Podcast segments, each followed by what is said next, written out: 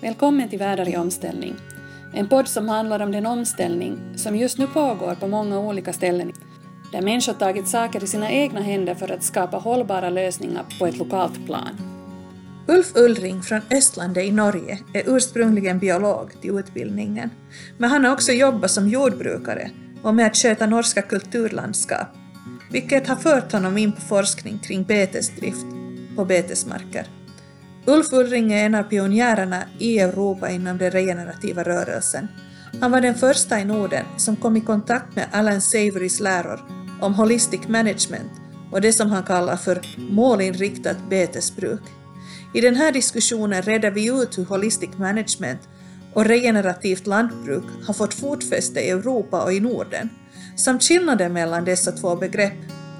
Ulf menar att det är en stor skillnad mellan hur man ser på brukad mark och vild natur inom utbildningsväsendet. Och fram till nyligen höll alla sig till sitt eget område. Som biolog skulle man inte forska på betesmark på 80-talet, men idag har forskare börjat bedriva en mer multidisciplinär forskning där man drar nytta av insikter från båda ämnena. Vi diskuterar också hur den regenerativa certifieringssystemet EOV, eller Ecological Outcome Verification som det heter på engelska, uppkommit och hur det skiljer sig från ekologiska certifieringsprocesser. Så midt på 90-tallet så, så kom jeg over noen interessante artikler med hvordan man kunne benytte mm, betestyr eh, til å styre vegetasjonen. Det var artikler som omhandlet en afrikansk biolog som het Alan Savory. Mm -hmm. Dette var omtrent i 1996, tenker jeg. Eh, så mm, det syns jeg var veldig interessant, for eh, i min masteroppgave så hadde jeg eh, Altså min tesis i, i min masteroppgave, da. Jeg gjorde et studie på tråkkslitasje på vegetasjon i nasjonalparken eh, Femundsmarka og naturreservatet Longfjell i Sverige. Jeg, jeg, jeg så da på tråkk fra mennesker, altså Eh, langs Kungsleden og andre stier. Så hvordan eh, vegetasjonen reagerte på, på, på tråkket, rett og slett. Eh, og det var på bakgrunn av det at jeg fikk denne for, for, forskningsjobben da, seinere. Men men det, jeg, leste i den artikkelen om Alan Sayrid, hvor det var for, forklart, det forklarte samspillet mellom planter og, og betestyr, ikke sant? Og det kjente jeg igjen. Da var den artikkelen omhandlet uh, samspillet mellom planter og dyr i Afrika. Og jeg fikk en aha-opplevelse, kan du si da. Aha! Dette er jo den samme mekanismen som er i norske fjell. Ikke sant? Mm. Akkurat den samme sammen, sammenhengen her. Uh, med hvilke at gras, uh, altså at, tråkk og tråkk og påvirkning fra betestyr de fremmer grasveksten. Mens eh, lyng og buskas og trær vil gå tilbake. Og at eh, det ikke var hva dyrene spiser, men deres påvirkning fra tråkk og skit og urin og alt annet. Det er det som er, har den største betydningen her. Så det, det var en periode hvor jeg, jeg arbeidet ikke i landbruket i det hele tatt. Det var bare en rent faglig si, fagøkologisk interesse hvor jeg så at ja, det denne mannen sier, det, det rimer. Dette var interessant. Så jeg kjøpte Alans bok. Og da fikk jeg jo en annen aha-opplevelse, og det var jo at holistic management det er et plan, plan, planeringsverktøy, ikke sant? Mm fra jeg startet med universitetsstudiene mine og hele, hele 80-tallet hvor jeg holdt på med det, så var planering var en del av mitt fagområde. Det finnes mange planeringssystemer i dag, men ingen av dem fungerer. Og hvorfor fungerer de ikke? Jo, for de fungerer helt fram til beslutningstakingen. Man utreder og man utreder, og så kommer man fram til selve besluttsfattende. Mm. Og da svikter disse systemene. Og det hadde jeg allerede lagt merke til gjennom min utdanning i dette her, at det, det var en tendens til at, at, overføringen fra kunnskapsutredning til besluttsfattende, det var et svakt punkt hvor det så ut til å svikte. Og, men når jeg da satte meg inn i Fikk Allans bok, leste den, og så eh, fikk jeg en ny aha-oppleving, og det var at eh, her i Holistic Management så, man, så klarer man det, denne overgangen fra utredning til besluttsfattende. Og jeg tenkte at eh, ja, om eh, dette vil jeg prøve ut. Så har det seg slik at det går noen år, og så eh, skal jeg og min daværende fru overta denne gården som vi tidligere har drevet. Mm. Det, var hennes, det, var gården til hennes mor. Og nå kommer hennes mor og sier at vil, nå må dere overta gården. Jeg vil ikke drive den mer. Jeg kan ikke gjøre det mer. Nå, nå må noen nye overta, eller så vil jeg selge gården. Så vi overtok gården i eh, 2002. Og da tenkte jeg med en gang at nå skal jeg teste ut Holistic Management. Så det gjorde jeg da. Da brukte mm. jeg, prøvde jeg hele Jeg prøvde alle verktøyene i Holistic Management. ikke sant? Lage meg det som nå kalles en kontekst. Jeg prøvde økonomisk eh, med planering og, og lagde beite, lærte meg beiteplanering. Og jeg hadde en flokk med får og jeg testet ut uh, måten å, å, bruke fårene på. Og mm. tok før- og efterbilder, bl.a. Og, og fikk effekt med det samme. Jeg fikk effekt både med økonomiske planeringen, med, med den kontekstsjekken, med Ja. Eh, og jeg, tenkte, og jeg tenkte fort at wow, dette her er jo fantastisk bra.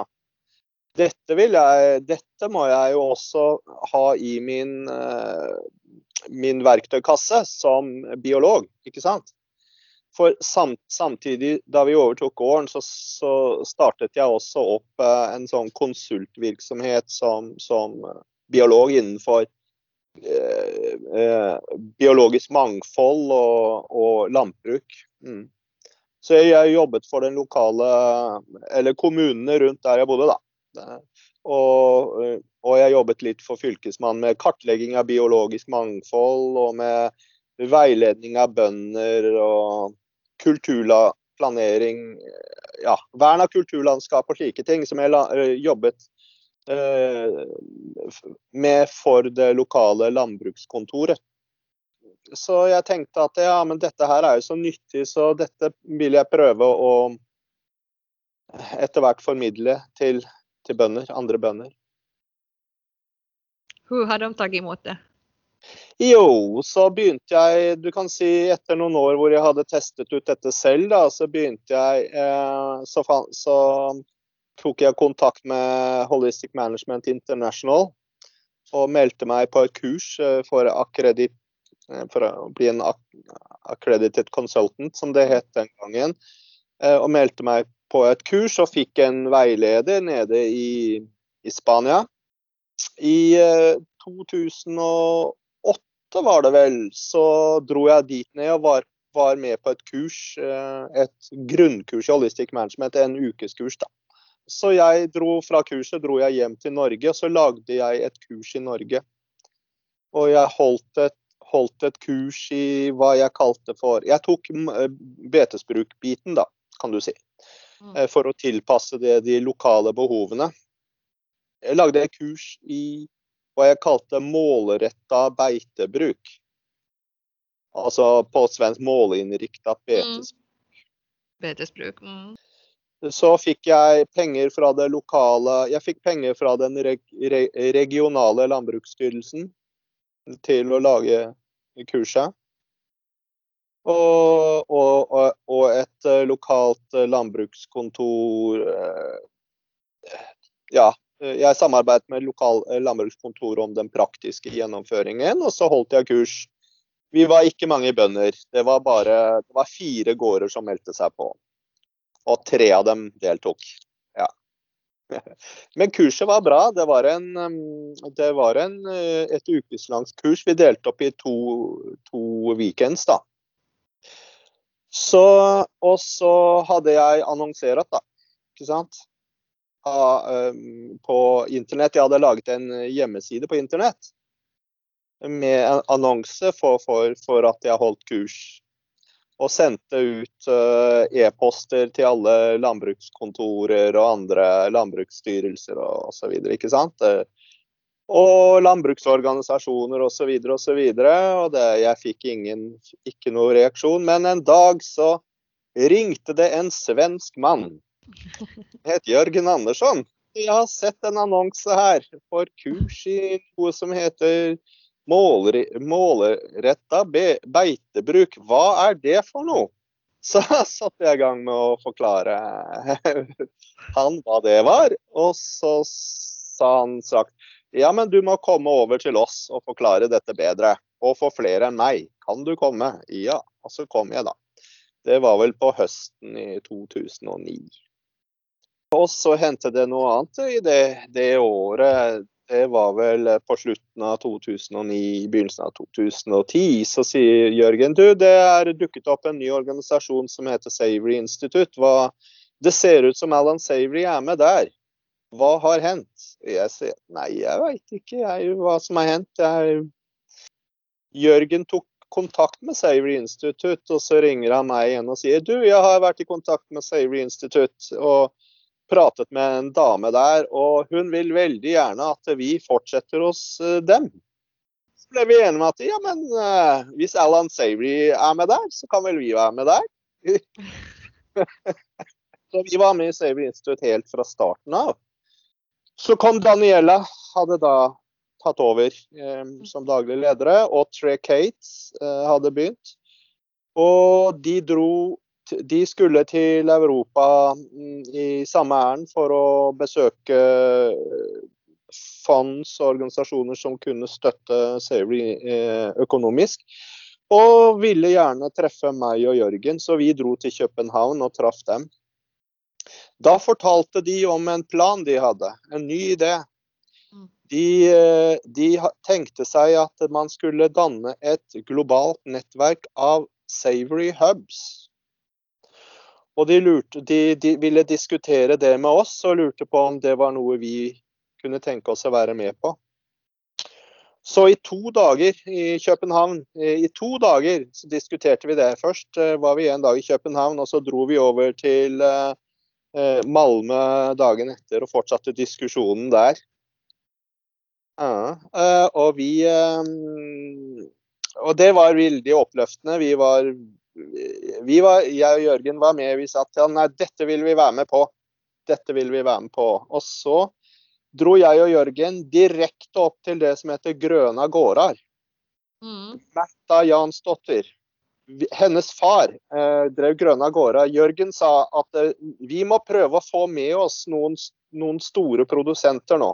Og sette i gang med holistic management og, og betesplanering, ikke sant. Mm. Eh, så hvem kan det være? Eh, og han hadde, han hadde vært i kontakt med Grøna gårder. Um, som, jo som, jo arbeidet med grassfed, ikke sant? Mm. Um, så vi dro dit opp. Og Jan uh, var med straks. Og Märtha var der. Så vi traff Märtha også, og hun uh, Ja, jeg tror hun også um, syns dette var interessant fra, fra første stund av. Eh, jeg, jeg, og Jørgen vi hadde aldri truffet dem før. Vi bare tok tog og buss dit opp, vi, direkte fra Malmö og sa at nå har vi vært på møte med noen som heter Save Institute, og vi vil gjerne ha med dere. Men de var enda interessert, de holdt på med ekologisk eh, ja. og de hadde, de hadde der, kor och eller får, eller Ikke sant. De hadde kor, mange kor, over bortimot 1000 kor, eh, og bare grassfed. Bare grassfed. Og bygd opp eh, Grøna gårder som et foretak med, med, hvor de uh, hadde fra, fra, jord til bord med kjøtt fra grassfed kjøtt, ikke sant. Og hadde allerede bygd opp et nettverk med produsenter. Så det var, det var i 2013, ja. Så gikk det to år. Så kom Alan Savory på besøk til, til Danmark og Sverige også. Mm. Uh, og til Norge etter hvert. Så, så og da, da, var vi med og organiserte feltbesøk uh, og besøk på konferanser for ham osv. Både i Sverige og i Norge. Mm. Fanns det många gårdar som hade redan övergått till holistic management? Eh, det var egentlig bare fjellbete i Sverige og, og, meg i Norge. Jeg har aldri hørt om noen andre som verken kjente til eh, Alan Savory eller Holistic Management i Norge på det tidspunktet. Så, men da hadde jeg holdt på i ti år, fra 2002 til 2012. Men så, så ble jeg og min tidligere fru vi skilt så jeg, flytt, jeg, jeg, måtte gi opp mitt landbruk, for det var ikke min gård. Det var hennes familiegård. Så, mm. så, så da, da, begynte jeg å arbeide for, for, det som heter Fylkesmannen, altså lensstyrelsen, ville du sagt, i Sverige. da. Yeah. Biologisk mangfold og eh, naturvernområder og slike okay. ting. Mm. Så eh, de siste årene, siden jeg eh, Ja, siden 2014 iallfall. For da jeg har hatt full jobb med jeg har hatt full jobb i, i Nasjonalparken siden 2014, og da, det, da, har jeg holdt lite kurs. Jeg har holdt en del foredrag, men lite kurs. Mm. Mm. Uh, altså regenerativt jordbruk, ja. det ordet har jo kommet sterkt nå. Jag har ja. sett det liksom segla upp kanske under de tre, senaste åren också här. Ja. Och vi har vissa aktörer som driver hårt på det där ordet. Men det är inte det här som Alan Savory har lärt ut. Alan Savory, nå skal du høre det, det, er jo holistic management. Det er hans kan si, eh, det er hans produkt, ikke sant? Ja hans og, og, ikke bare han, men han, han, sier jo selv at han har hatt mange medhjelpere. Er, de, de, han har, et, har, hatt et team bak seg hele tiden som har arbeidet, som han har diskutert med og som har arbeidet med det. Men det, det er på en måte hans produkt, ikke sant? Mm. Hans og hans kones Jodis mm. produkt. Uh, Jodi er jo Hun er jo uh, var jo opprinnelig uh, journalist, så det, er hun, det språklige, det å formulere hva det er, har nok hun arbeid, hjulpet veldig mye til med. Hjelpe, hjelpe, Alan med å formulere det, kan du si. Men det er, det er jo Alans uh, produkt, det er hans livsverk, ikke sant. Mm. Uh, men det er jo holistic management, og det uh, og siden har det vel ikke vært noe spesielt navn på det landbruket som kom ut av Holistic Management. Det er bare en bedre måte å drive betesbruk på. ikke sant? Og man har bare fokusert fokusert på betesbruk òg. Og da er det ikke så rart at Europa ikke har fanget opp. I Europa vi har våre egne tradisjoner når det gjelder betesbruk, ikke sant? som er annerledes enn ranching eh, og det som er blitt i de store landene. ikke sant? Med, med store Ja. Det er en litt annen tradisjon. Og vi har jo og dette med, med, at det er mange land i Europa med hvert sitt språk. Eh, man leser ikke den engelskspråklige litteraturen. Når det gjelder landbrukslitteratur og landbrukstradisjon i Norden, så er vi veldig preget av Tyskland. Ikke sant? Det, mm. det, tysk, det tyske, den tyske delen. Og du kan si Storbr og litt Storbritannia. Mm. Mens, mens, Storbritannia eller har jeg også lest den amerikanske litteraturen sånn, men i liten grad. altså de Storbritannia, Skottland, de har, de har, jo fra lang tid tilbake sin egen forskningstradisjon innenfor betesbruk, ikke sant? Mm. Eh, og som er veldig sterk. Veldig sterk. Og, eh, eh, og med andre problemstillinger. Vi har hatt andre problemstillinger her i Europa enn de har hatt i, i, i, i Amerikas og Australia. Afrika. Så da jeg, da jeg, da jeg startet opp med å arbeide innen, innen landbruksforskningen etter at jeg var, jeg var, utdannet ved et universitet, ikke sant? Ikke ved Landbrukshøgskolen, mm.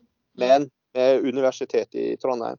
Så begynte jeg å jobbe på, innen, i plantefor, nei, bioforsk, som det heter. Het, NIBIO i dag, som har en tradisjon fra Landbrukshøgskolen.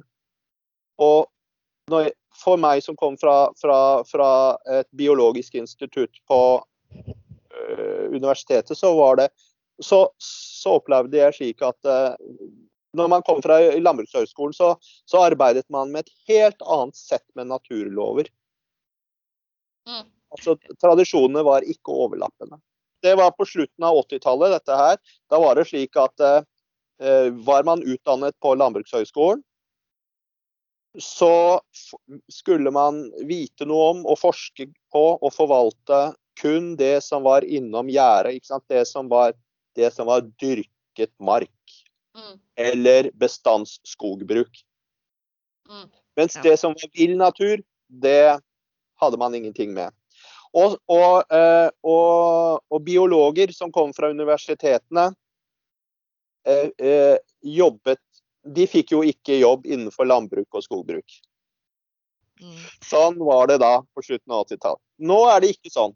Nå mm. er det, nå er det en stor overlapping, heldigvis, altså. Men, men landbruket henger fortsatt litt etter i den tradisjonen det er. Mm. Men regenerativt er ikke bare holistic management. Det er, det, er, det er, en regenerativ Det er en mye bre, bredere front, vil jeg mm. si. Første gang jeg ble oppmerksom på begrepet regenerativt eh, landbruk, det var på Savory-konferansen i London i 2014. Mm. Eh, de, de, første, de, første, årene, de første to-tre årene så hadde um, Savory en, en, en, en, si, en, internasjonal konferanse. da. Den første var i Boulder i 2013. Jeg og Jørgen var der. Så året etter Så neste var i London. Man tenkte som så, hvorfor ikke i et veldig urbant sted? London. Men det er jo også sentralt i Europa. Mm. Så det var, var en uh, veldig bra konferanse i London i 2014, og presentasjonene ligger vel fortsatt på YouTube. Mm. Um, og, og, der var det Ja, det var folk Det var mange slags mennesker der. Der var det Det var mange deltakere. Det kom folk fra uh, permakultursiden. Uh, Joel Salatin var der. Uh, Elaine Ingham var der. Det var folk fra Rodale var der, ikke sant. Det var folk fra, fra det økologiske, fra permakultur, fra miljøbevegelser osv. som jobber med jord og mm. ja, vann og Ikke sant. Mm. Og det som skjedde, var at ordet re, eller begrepet regenerativt landbruk, regenerative agriculture, mm. Alle brukte det. Alle presentørene begynte å snakke om regenerativt landbruk. Og som en slags felles overbygnad over holistic management, permakultur og alle som Og carbon farming og alle som drev i den retningen. Eh, før det, Joe Salatin hadde, var jo en av dem som hadde snakket om beyond organic. Mm, mm. Det, så før, før, 2014, for meg, så var holistic management og det vi kaller regenerativt i dag, det var ble bare kalt for beyond organic før det. Mm. Det var liksom det jeg begrep. Men etter 2014 så snakker ingen om beyond organic lenger. Nå er det regenerativt landbruk som gjelder. Og det har blitt en, en felles forståelse. Og jeg er veldig glad for det. Det var og det er ikke bare jeg som opplevde det slik. Det var en slags sånn aha-opplevelse på den konferansen. Altså, I løpet av de tre dagene så begynte alle å bruke begrepet regenerativt landbruk. Og siden har det bare vokst. På, det var vel omtrent på den tiden Regeneration International ble dannet også, tror jeg. Mm. Men det var alltså en Savory-konferens där liksom alla de här olika aktørene kom seg ihop seg? Ja, men nå var jo det den eneste jeg var på. Jeg veit ikke om det var sånn på andre konferanser. Ja. Ja. Jeg, jeg, har ikke vært på eh, Grassfed Exchange og disse. Mm. Eh, etter hvert så begynte man jo å prate om regenerativt der òg. Men det som er fordelen med regenerativt, er jo det at um, man, man, så at også folk som jobbet innenfor permakultur, som ikke jobber med, med, som jobber med hage, hagebruk, ikke, mm. ikke jobber med, med, betesbruk, ikke sant? De, de, begynte å bruke regenerativt. Og de begynte å inkludere seg selv i det. Og si at vi er en del av den samme bevegelse. Så kommer biodynamikerne og sier det samme. Nei, men vi er jo med på dette. Dette har jo vi alltid holdt på med, ikke sant? Skjønner du? Mm. Og, og, så kommer de andre økologiske og sier ja, men dette er jo det vi egentlig vil. Dette er, dette er en videreutvikling av det økologiske. Det er, og alle kunne jo peke tilbake på Robert uh, Rodale. at det faktisk, Alle sier jo det. Det var Robert Rodale som var den første som brukte begrepet. Og han brukte det i allerede tilbake i 1985 eller der omkring. Husk det. Mm. mm. Det har tatt langt å vokse fram en forståelse hva Men jeg tenker at det, denne, det, har vært nødvendig med all denne tiden for å bygge et innhold inn i begrepet hva det er. Og jeg, jeg tenker i dag så er begrepet for, for skal vi si, oss som er, skal vi si, er veteraner innen det, da, og nesten kalle meg det nå, da så, så, er, så, er, det mm, selvklart hva som ligger i begrepet regenerativt. Men nå ser vi at regenerativt eh, begynner å brukes i så mange sammenhenger. Og mm, eh, jeg er bekymra for Jeg tenker at eh, vi som har holdt på lenge med dette, som holder på med da som har jobbet fram, vært med å jobbe fram begrepet regenerativt og fylt det med innhold med holistic management og permakultur og alt mulig. Vi må forsvare det, slik at det fortsatt har et, et innhold. Uh, som, som er hendt med begrepet bærekraftig, eller altså mm. holdbart. Altså, mm. Det har jo snart ikke noe betyr jo ingenting. Alle sier det. Alt er holdbart. Ikke sant? Alt er holdbart, alle er holdbare. Men det som jeg tycker kanskje at det skillnaden med det her, er at ändå man kan förankra det i att någonting blir bättre i jorden och i de ekologiske processerna som inte kanske finns så mycket i det där ordet hållbart, där man kanske mera man kan prata om ekonomiskt hållbart eller social hållbart, eller det blir som så vi kan faktisk definere det, og det er jo, jeg mener at å definere det, det, er, det har vi innenfor den regenerative bevegelsen, så har flere definert det på en bra måte. Og jeg syns jo at uh, vi, vi, i den nordiske huben Ja, for jeg og jeg og Jørgen eh, startet jo en, eh, det vi kaller en Nordic Savory Hub. ikke sant? En felles svensk-norsk hub, da. Mm. Eh, som var det eneste I og med at vi var bare to i begynnelsen, én i Norge, én i Sverige, så var det liksom naturlig den gangen. Så, så, så, i de siste årene som det har kommet mer folk til, så har vi hatt en, en diskusjon rundt hva er, hva er definisjonen av av regenerativt eh, landbruk, og, og, som har vært veldig bra. Og Jørgen har jo eh, artikulert dette på en veldig bra måte. Han har kommet med forslag, og så har vi andre kommet med kritikk og sagt at nei, det går ikke, nei, det er ikke helt Og så har vi kommet fram til felles, denne felles setningen hvor, hvor, det er, som du sikkert kjenner til, som han sikkert har sagt til deg, dette med uh, høyeste tenkbare vitalitet i økosystemen, samtidig som man effektivt uh, produserer varer for menneskelige behov. Mm. Mm. Eller dekker Så det, der har vi, det favner om ikke bare mat, men også økosystemtjenestene. Ren jord, rent vann, ren luft, ikke sant. Og, og, det er jo en definisjon som faktisk kan måles også. Og det er jo det man forsøker innenfor den EOV.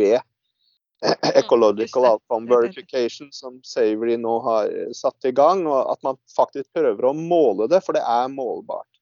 En annen ting med den type definisjon av regenerativt landbruk er at det passer så bra inn med, med de utfordringene til landbruket som IPCC og eh, IPBES mm. uh, også har uh, beskrevet, ikke sant. Mm. Eh, de, de, hvor de sier at uh, dette og slik og slik må vi rette på, også FNs uh, bære, holdbarhetsmål, mm. som sier på, på, på at, at, det her vi kan ikke bare se på mat, mat det, Økosystemtjenester er også helt essensielt. Vi må ta bare på det biologiske mangfoldet også. Vi må slutte å ødelegge arealer. ikke sant? Vi må, vi må gjenskape, vi må restaurere. og Derfor går vi jo nå inn i FNs tiår for systemrestaurering. Mm. Og da mener jeg at det der er regenerativt. Og da tenker jeg i mitt hode, som står med en fot i hver av disse her, så tenker jeg at i dag har vi to begreper som komplementerer hverandre. Og til sammen dekker det hele Altså komplementerer hverandre når det gjelder ideen bak deg, Og det er begrepene rewilding og regenerativt landbruk.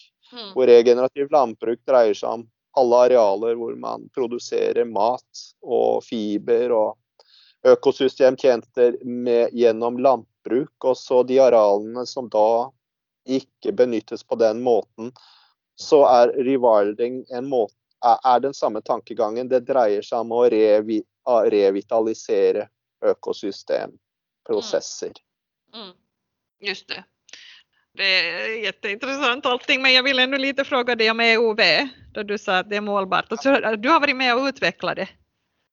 Um, du kan si at det, Jeg vil ikke ta på meg æren for å utvikle det, for det er, det er Pablo uh, Borrelli som faktisk ja. har gjort det. Altså, han, han, står for 90% av æren for å ja. utvikle det, det vil jeg påstå. Men han har også Det er ikke noe han har funnet opp fra scratch han har bygd på tidligere arbeider ikke sant? innenfor range management.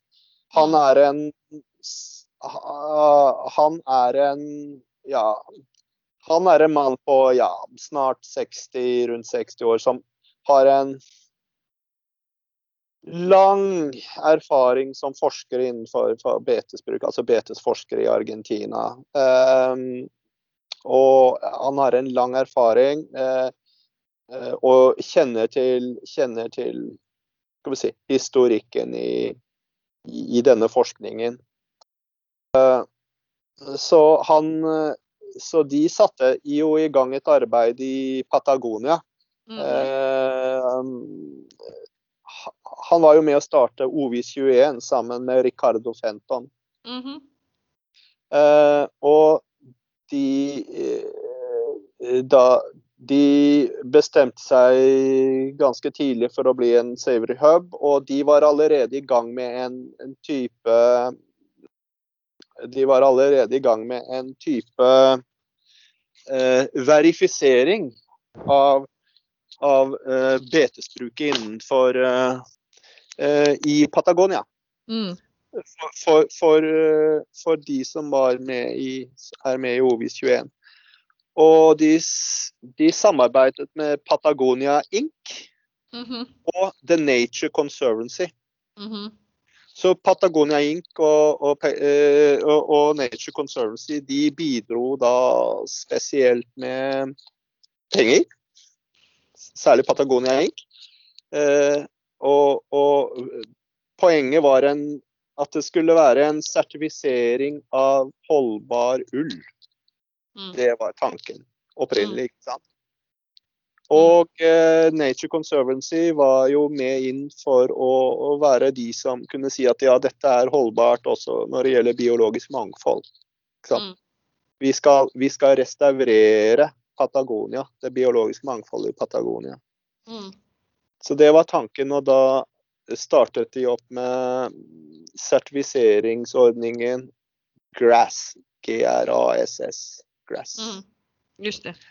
Og i den, i den ligger hele tankegangen til EOV. Aha. Men den er basert på Patagonia. Det er liksom skreddersydd for Patagonia. Just det. Og det var såpass bra at på et eller annet tidspunkt så ble det forslag om at Savory Institute skulle ta den og gjøre skal vi si, bearbeide ordningen til en global ordning, til en internasjonalt ordning. Som skulle passe i hele verden. Eh, og da startet arbeidet med EOB. Mm. Mm. Og forskjellen er at, eh, vi, at uh, vi kunne ikke bare bruke gress som den var, for gress var jo kalibrert for uh, ekoregionen i Patagonia. Mm -hmm. mm. Vi må vi må lage en ordning som vi kan kalibrere for hele verden, til alle ekoregioner i hele verden. ikke sant? Så det var den store utfordringen. Mm. Og så siden så har man jo gått inn og man har sett på, på alle elementer i ordningen og, og, finpusset, som vi sier. Altså vi har liksom slepet på, på alle kanter, slik at det, det kan fungere overalt, og at det skal være lett å lære bort. Det skal være raskt og økonomisk å gjennomføre. Mm. Og det skal være vitenskapelig eh, skikkelig. Mm. Hva er det for skillnad til eh, ekologisk sertifisering? Eh, den store skillnaden er at eh, økologisk sertifisering og også den nye regenerative sertifiseringen til eh, REGAG mm. Eh, den baserer seg på metoder, ikke sant. Gjør man slik og slik, så blir man sertifisert.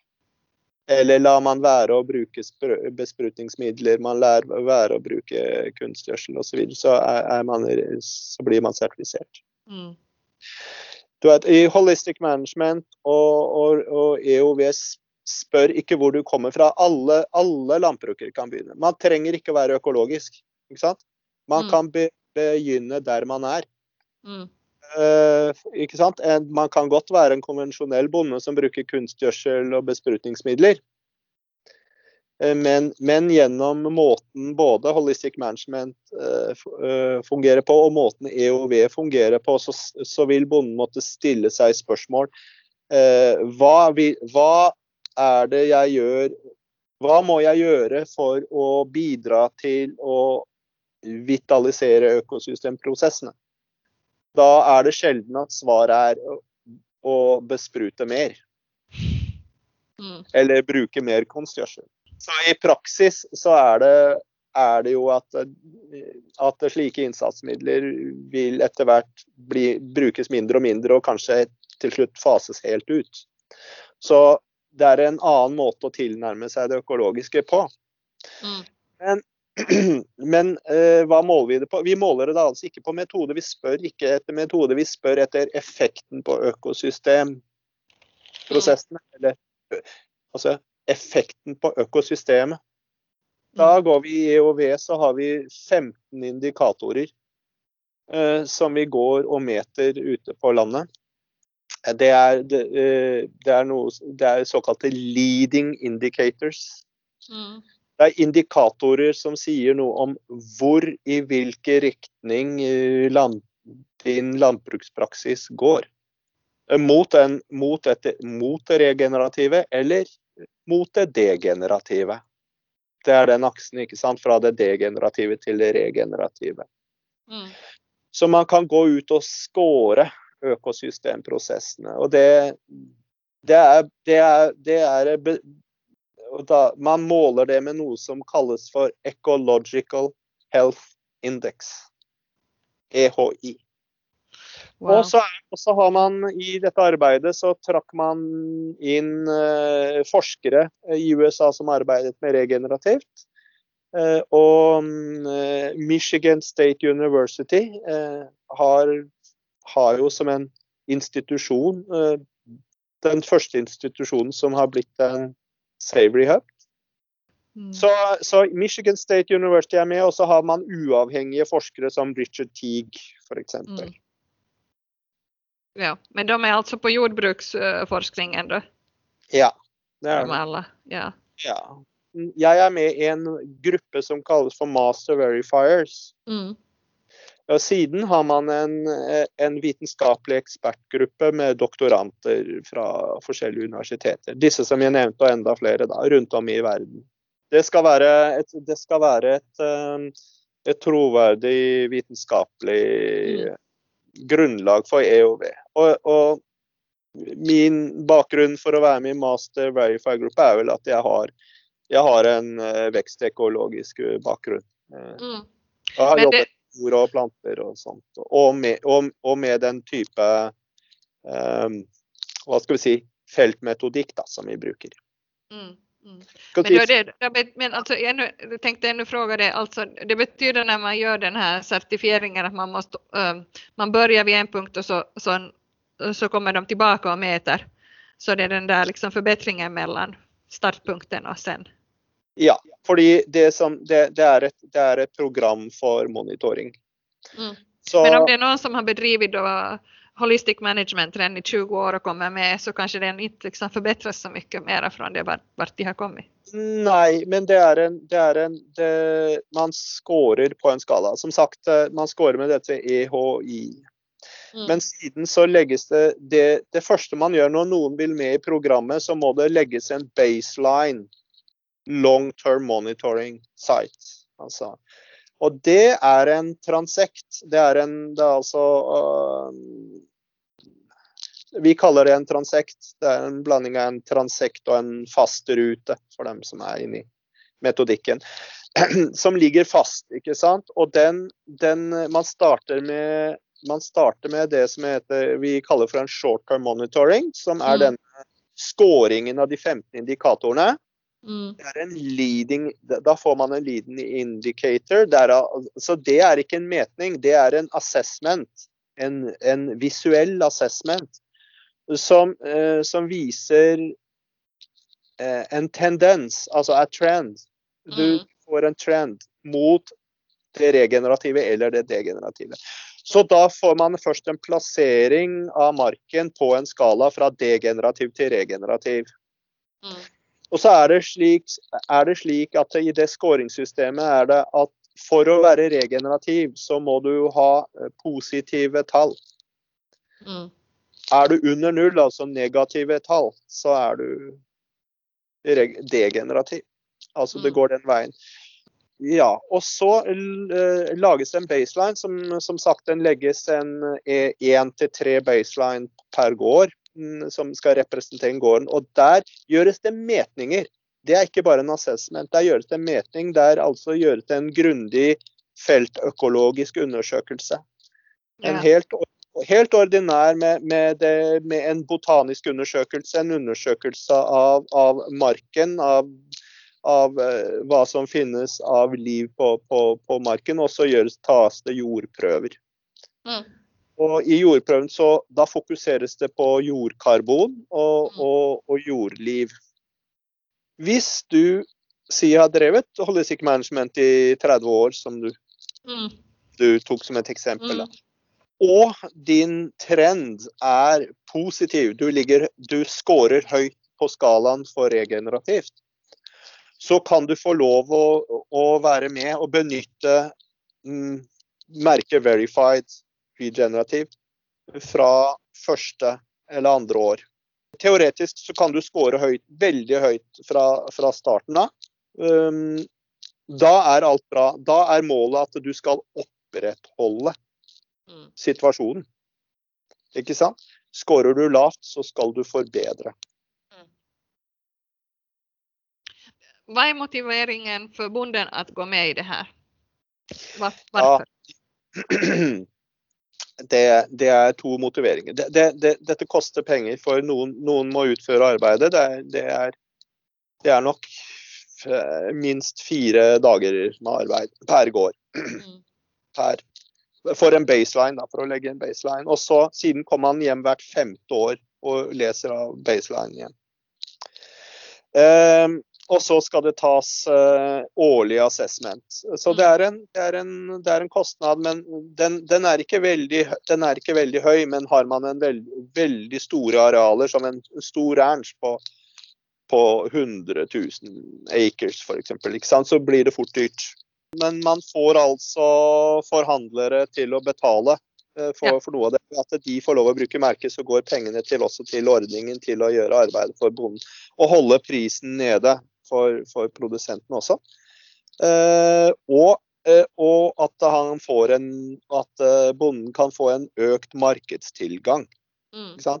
Kan få en bedre pris i markedet eller en økt bedre markedstilgang. Og så prøver vi å holde metodikken på et såpass Det skal være så enkelt og så billig at bonden kan ha råd til det. Men samtidig ikke for enkelt. Det må være så komplisert, eller altså såpass grundig at det er vitenskapelig holdbart. Da. Mm. Men ändå kanskje større aktører som er interessert av den, tenker jeg. General Eller? Mills. General Mills. Mm. Mm. Andre store akkurat innenfor EOV det, det er jo ikke bare innenfor EOV, men jeg, jeg så at eh, i, i f.eks. når det gjelder dette forskningsprogrammet Soil Carbon Cowboys da, Mm. eh, til Peter Byck Mm. McDonald's har jo spyttet inn 40 millioner dollar. Nei, nei, 4 millioner dollar. 40 millioner norske kroner. Ja, ja. Yeah, yeah. Oi.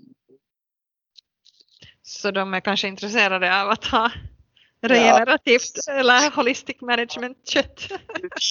Fire millioner dollar er vel ingenting for McDonald's, men eh, de vil de, de tar ikke sjansen på å ikke være med. Mm. Det er vel det samme for General Mills. da. Mm. De tar ikke sjansen på å ikke være med. Man, man må ha en fot innenfor. Mm. Så, så kan man, man kan stille seg spørsmålet ja, er det bra eller er det dårlig. Jeg vet innen, Innenfor uh, Savory-nettverket så er det mennesker som har sagt at nei, skal siden man har tatt imot penger fra General Mills uh, her, så vil ikke vi være med.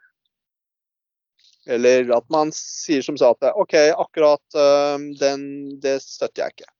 Ja. Fordi man frykter at eh, man skal bli slukt av eh, corporate eh, business, ikke sant. Mm. Så det er jo faren, da. Så det er, en, det er, en balan det er jo en balansegang, da.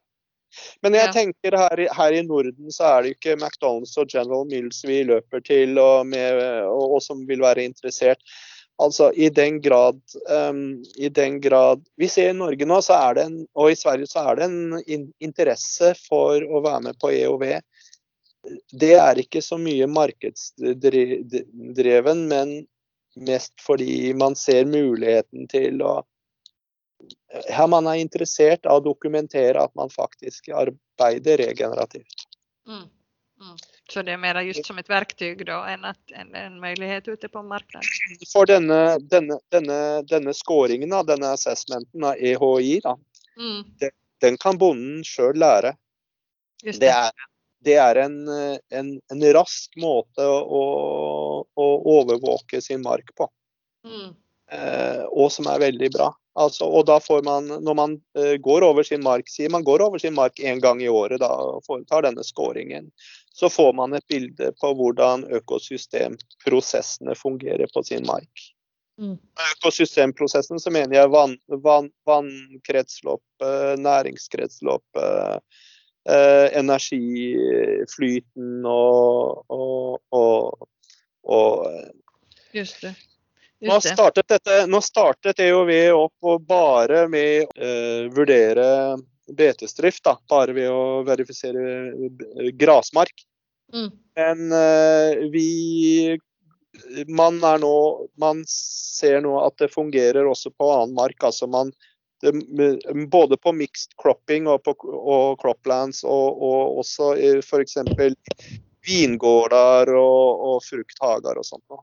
Hvor det så kan man benytte seg av dette. Så, så det vil bli utvidet nå til all, all eh, landbruksmark. Okej. Okay. också sådana som inte har betesdrift alls alltså? Ja, ja. Det går att använda på. Okej. Ja, fordi, eh, fordi at vi, EOV er rent altså EOV er ikke holistic management. ikke sant? EOV er ren feltøkologisk metodikk. Okej, du nämnde lite om, om, om kolinlagringen tidigare, du ska återvända till det, men klimat och klimatrörelsen som var så jättestor i fjol. Hur ser du på den här frågan om klimat, forandring, förändring, förbättring, motstånd? Det har opptatt meg mye. Eh, og det har vært en heftig debatt i, Norge, i norske medier, det siste året. Mm. Eh, hvor jeg har skrevet en del, jeg har deltatt i en del av, av diskusjonen. Jeg har gjort det i mange år, da. Vi har også toneangivende bønder innenfor det økologiske og som jobber med klimaspørsmål. og Som, ja, som, selv, som selv om de selv er husdyrprodusenter, sier at vi må spise mindre kjøtt. Og kua er problemet, og sau trenger vi jo ikke å ha. Ikke? Vi får greie oss med melkekyr og spise gamle melkekyr. Det får holde når det gjelder kjøtt. Mm, mm. Så vi, mens vi har prøvd å reise få opp reise, argumentet for, for, dette med at man kan ikke bare se på utslippene, man må også se på hva, at dette er et, dette er et kretsløp mm. hvor, hvor, hvor, beitedyrene, spesielt røvtyggerne, altså idislerne, er, mm. er en viktig del av et naturlig kretsløp. Vi kan ikke stoppe det kretsløpet. Historisk så var, var, var det jo enorme mengder av ville idislere. Dette, vår, våre husdyr er jo bare en fortsetning av, av de ville. Det er ikke noe, vi, vi, altså de, de, er i prinsippet ikke noe annet. Vi kan ikke skille mellom ville og tamme. Mm. Jeg mener, jeg har lest Judith Schwartz bok Reindeer Chronicles og du figurerer der, og hun går inn på ren, rendriften, betesdriften. Uh, har du noen kommentarer om det, den saken just i Norge og det her, at man forsøker å begrense samernas betesdrift? Jobbar ni någonting med, tillsammans med dem eller råkade det sig bara att hon tog fasta på det? Vi, vi gjør ikke det, men, men, Jør, men, Jørgen har jo en, på en måte en fot uh, Altså, Jørgen har en nær kontakt mot det samiske i, i Midt-Sverige. Mm. Mm. Uh, via en sønn og venner der i, mm. innenfor uh, i rendriftsmiljøet i Midt-Sverige. Uh, han har nok nevnt Holistic Management for dem, uh, og vi har diskutert dette siden lang tid tilbake. Uh, fra hva jeg har lest, jeg har lest meg opp på, på tradisjonell rendrift, så ser jeg at den er svært, har mye felles med Holistic Management, med Holistic Land Grazing. Denne måten man flytter renene rundt på og tar hensyn til återvekst og sånne ting. Mm. I, i moderne, moderne rendrift er jo ranching det foregår jo på nesten samme måte som ranching. Og man dyrene rundt i, et, i terreng, som man gjør når man driver seagrass-fed eller med holistic land grazing. Hva er skillnaden til ranching eller til ja, okay. det, det, som de her Märtha og Jans, uh, Jans dotter har sysla med og sedan bytte over til? Hva er skillnaden? Ok, altså for ta ranching først. Ranching er jo bare betesbruk. Ja. Ranching er betesbruk betesdrift. Mm. Du er bonde, men du, du, du, har ikke croplands. ikke sant? Du har ikke noe åkerbruk, du har bare betesbruk. Ja. Ranching. Sant? Men ranching eh, betyr jo Og ranching kan gå, eh, foregå på mark innenfor eh, gjerder. Mm. Sant? Ja. På, på, på, på eng, engmark, ikke sant? Mm. På eng og vall. På vall. Mm. Men ranching kan også foregå ute i utmarken, som vi sier i Norge og Sverige. Ut, altså det som heter rangeland på engelsk. Mm. I, i, I, naturlig vegetasjon. Ja. Ute i, i, fjell og daler, ikke sant. Mm. I den ville naturen, egentlig. Mm. Det er range, det, så det er en annen type range-drift. Så det er jo det, det, er jo det, det samiske. De, de, flytter sine De er en type range-drift på rangeland i utmarken. Mm. Og det er det samme med norsk eh, med, i, om sommeren i, i, Norge. Så er det på samme måte. Det er i fjell og i skog. Mm. Mm. Det har man ikke i Sverige. I Sverige har man jo ikke det der. Der foregår nesten alt på eng og vall og hagar, ikke sant. Men eh, du kan si det er, en, det er ranching. Ja. Så har vi grassfed, det, det, betyr jo bare at man ikke føder eh, dyrene opp på, på kraftfôr. Mm. Hva sier dere på, sven, på svensken? Ikke kraft. Ja, det heter kraftfoder heter det også. Kraftfoder. kraftfoder mm. ja. Så det er jo egentlig Så grassfed det betyr at man, det, man, man beter på gras. Man kan, man kan, bete, man kan også så høy om vinteren. Mm. Om, om, man har dyr eh, i områder hvor det er for mye snø til at dyrene kan gå ut og bete sjøl. Mm. Så, så, kan det jo Alle sånn fòrrester og også, og, eh, også mm, tekkrøder, altså dekkvekster, eh, går jo inn der. Det er også grassfed. Mm. Men man gir dem altså ikke eh, korn og mais og den slags eh, eh en slags Og soya, ikke sant. Mm. Det er gressfett. Så det har heller ingenting med holistic management å gjøre. Nei. Og så er, det, så er det Holistic management er Det er et, et planverktøy. Jeg kaller det et strategisk planverktøy. Ja, for det har en, det har en, en del en strategisk overbygnad, ikke sant? Mm. Som man da innen fagspråket kaller for strategisk planlegging. Og siden har man alle disse spesialplanverktøyene som BTS-planering, økonomisk planering, eh, går, mm. altså planering av infrastruktur osv. Mm. Eh, alt går inn under uh, verktøyet holistic management. Mm. Så det er et sett, det er et, rett og slett et, et planverktøy. Du, treng, du, kan benytte det i hvilken som helst virksomhet. Trenger, man trenger ikke å og, og driver med landbruk for å, å, benytte seg av det. Mm. Mm. Sant? Det, det, det meste, meste, av planverktøyet kan brukes av alle. Kan brukes til og med i en familie for å holde styr på sin familieøkonomi og sitt familieliv. Mm. Så, men så er det holistic plant grazing.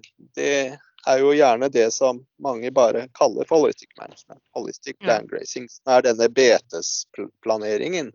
Og, og, og der, der all eh, Hva skal vi si all, all, eh, alt oppsyret rundt Alan Savory kommer inn. ikke sant? Det er all krangelen med, med innenfor betesfag og ranchland uh, science. ikke sant? Hvor det, hvor det, er to fronter i verden. Én mot uh, Savory og én for.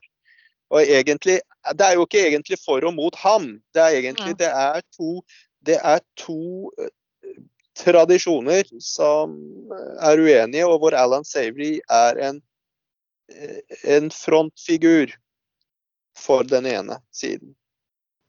Men alle de her handler altså om at man, at man observerer og flytter dyrene? Ja. ja. At, at, man også lager, at man har en planmessig flytting av dyrene, og man, den, er, den planmessige flyttinga av dyrene er styrt av grasveksten. Mm. Det. Og det er, det, er, det er, et kjernepunkt i hele, hele, den måten å planere beitebruk på. Og det er der han Det er, det er, det er der Alan Savory har et av hans viktigste tilførsler til beitevitenskapen. Dette med å ta i betraktning eh, mm, faktoren tid.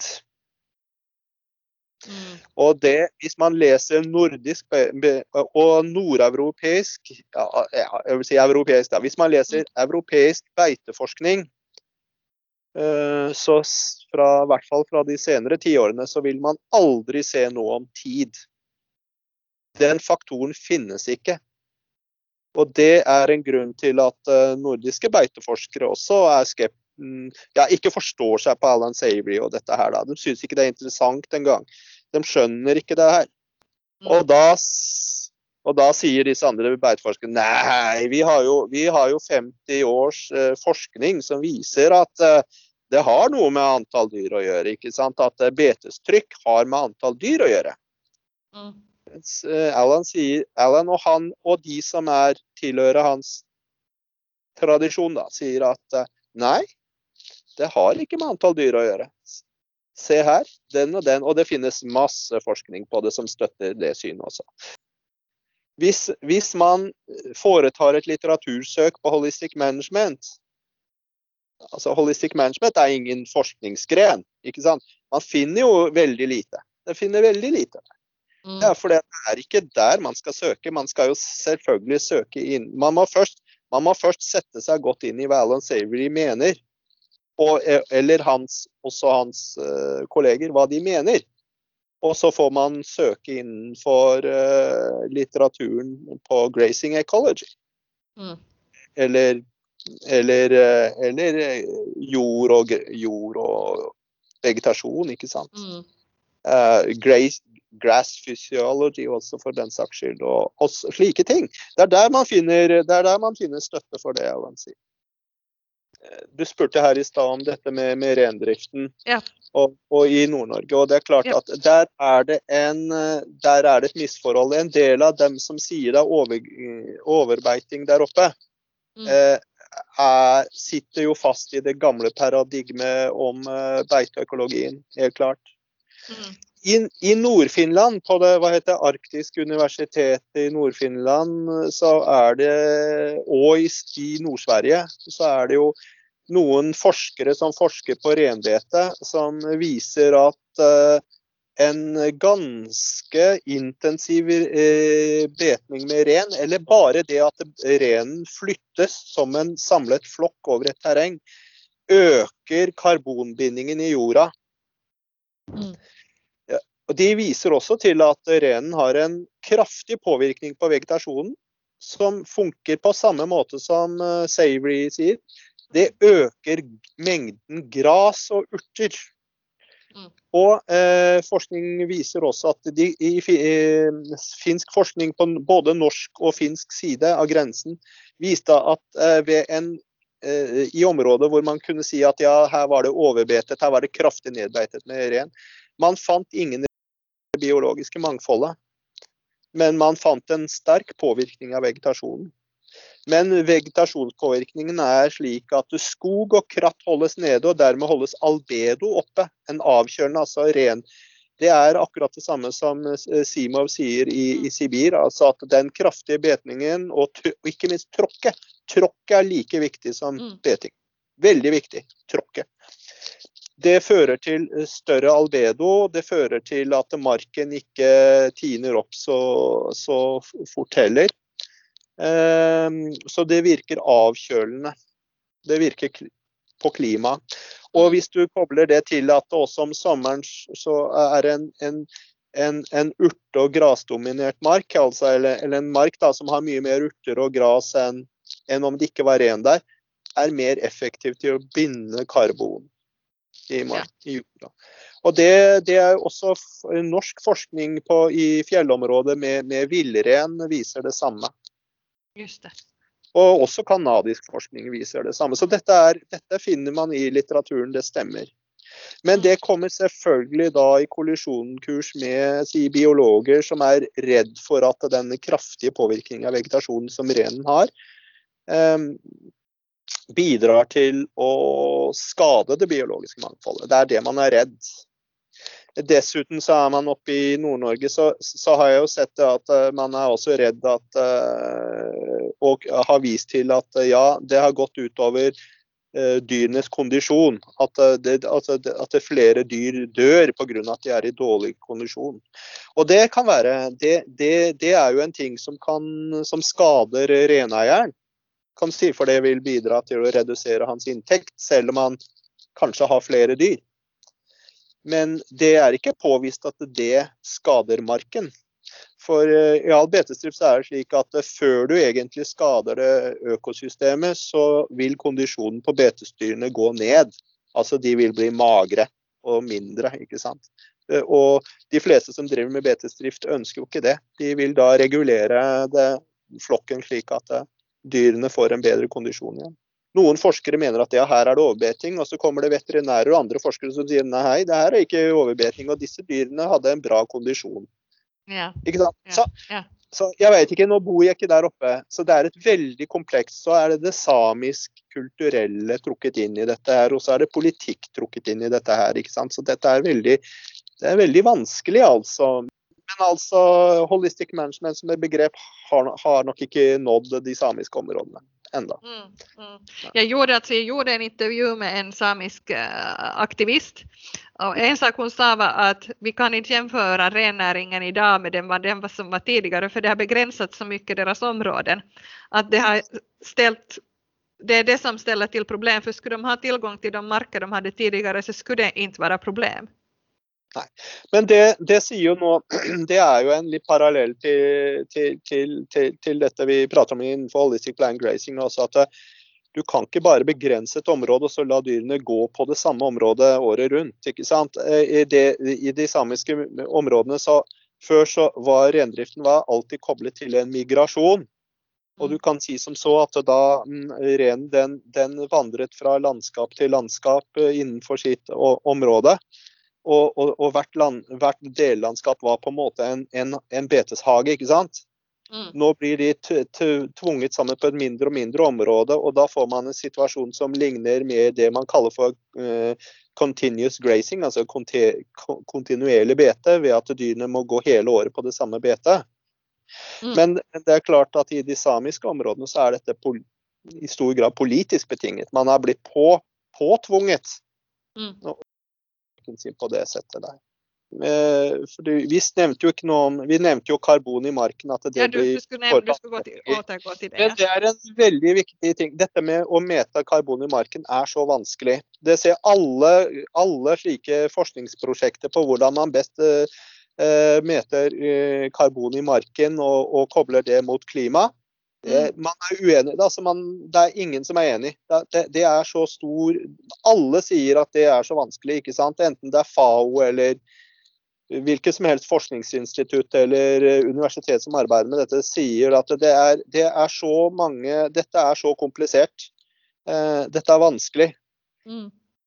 Og det innser vi også innenfor EOV. Vi har, vi har, med en Så det har vært en stor Det er fortsatt en stor diskusjon om beste måten å måle eh, meta det på, eller om det går an i det hele tatt.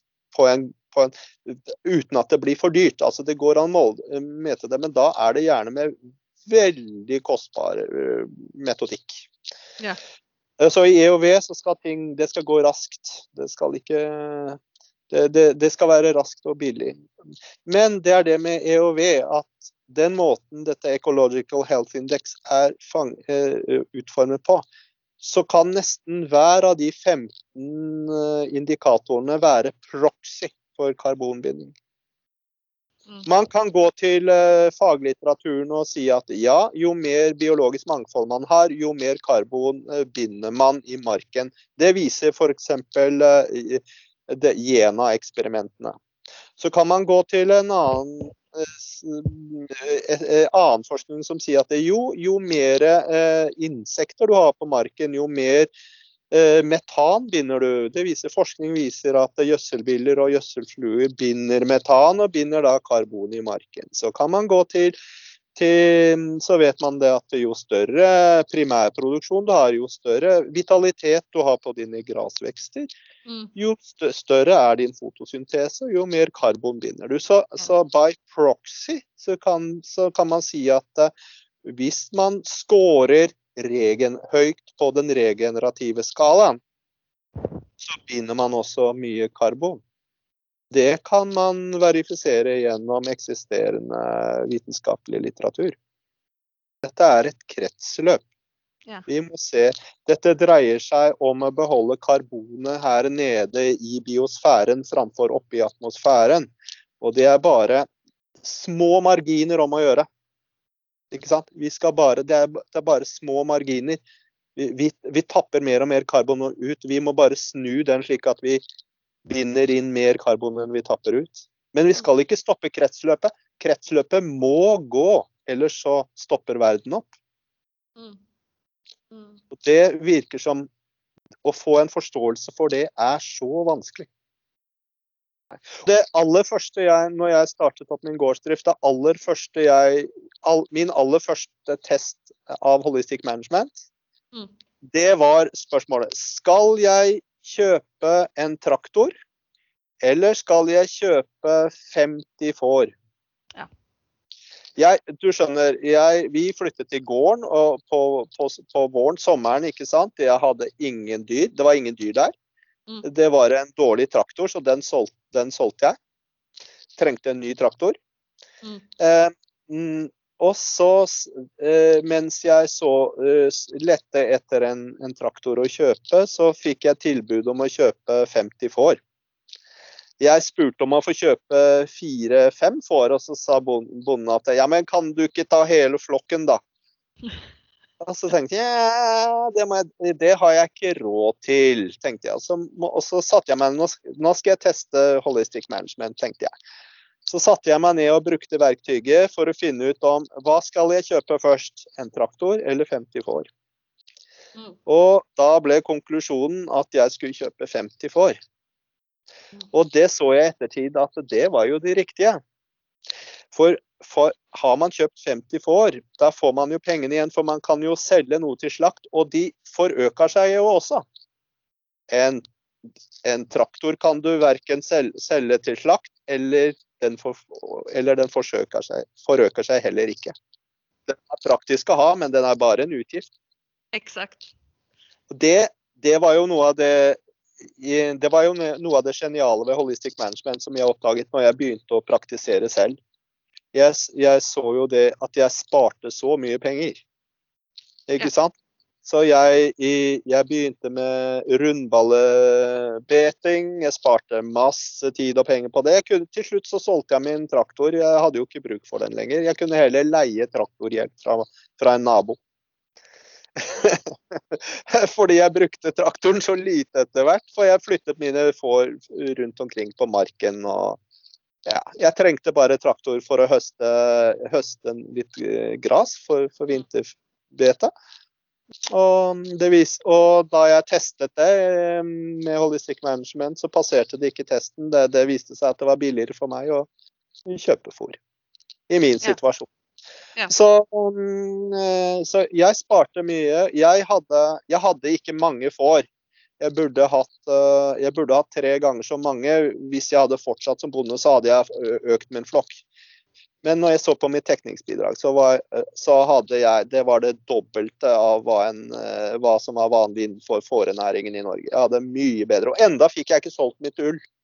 Den fikk jeg ikke solgt. Og ikke fikk jeg solgt kjøttet mitt som økologisk heller. Så jeg fikk ingen merpris for det.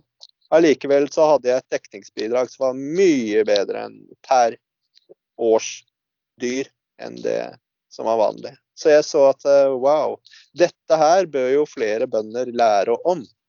Ja. Ikke sant? Ja. ja. ja, Bra. Takk så mye. Jo, ingen årsak. Tack för att du tog dig tid att lyssna på ett avsnitt ur poddserien Världar i omställning.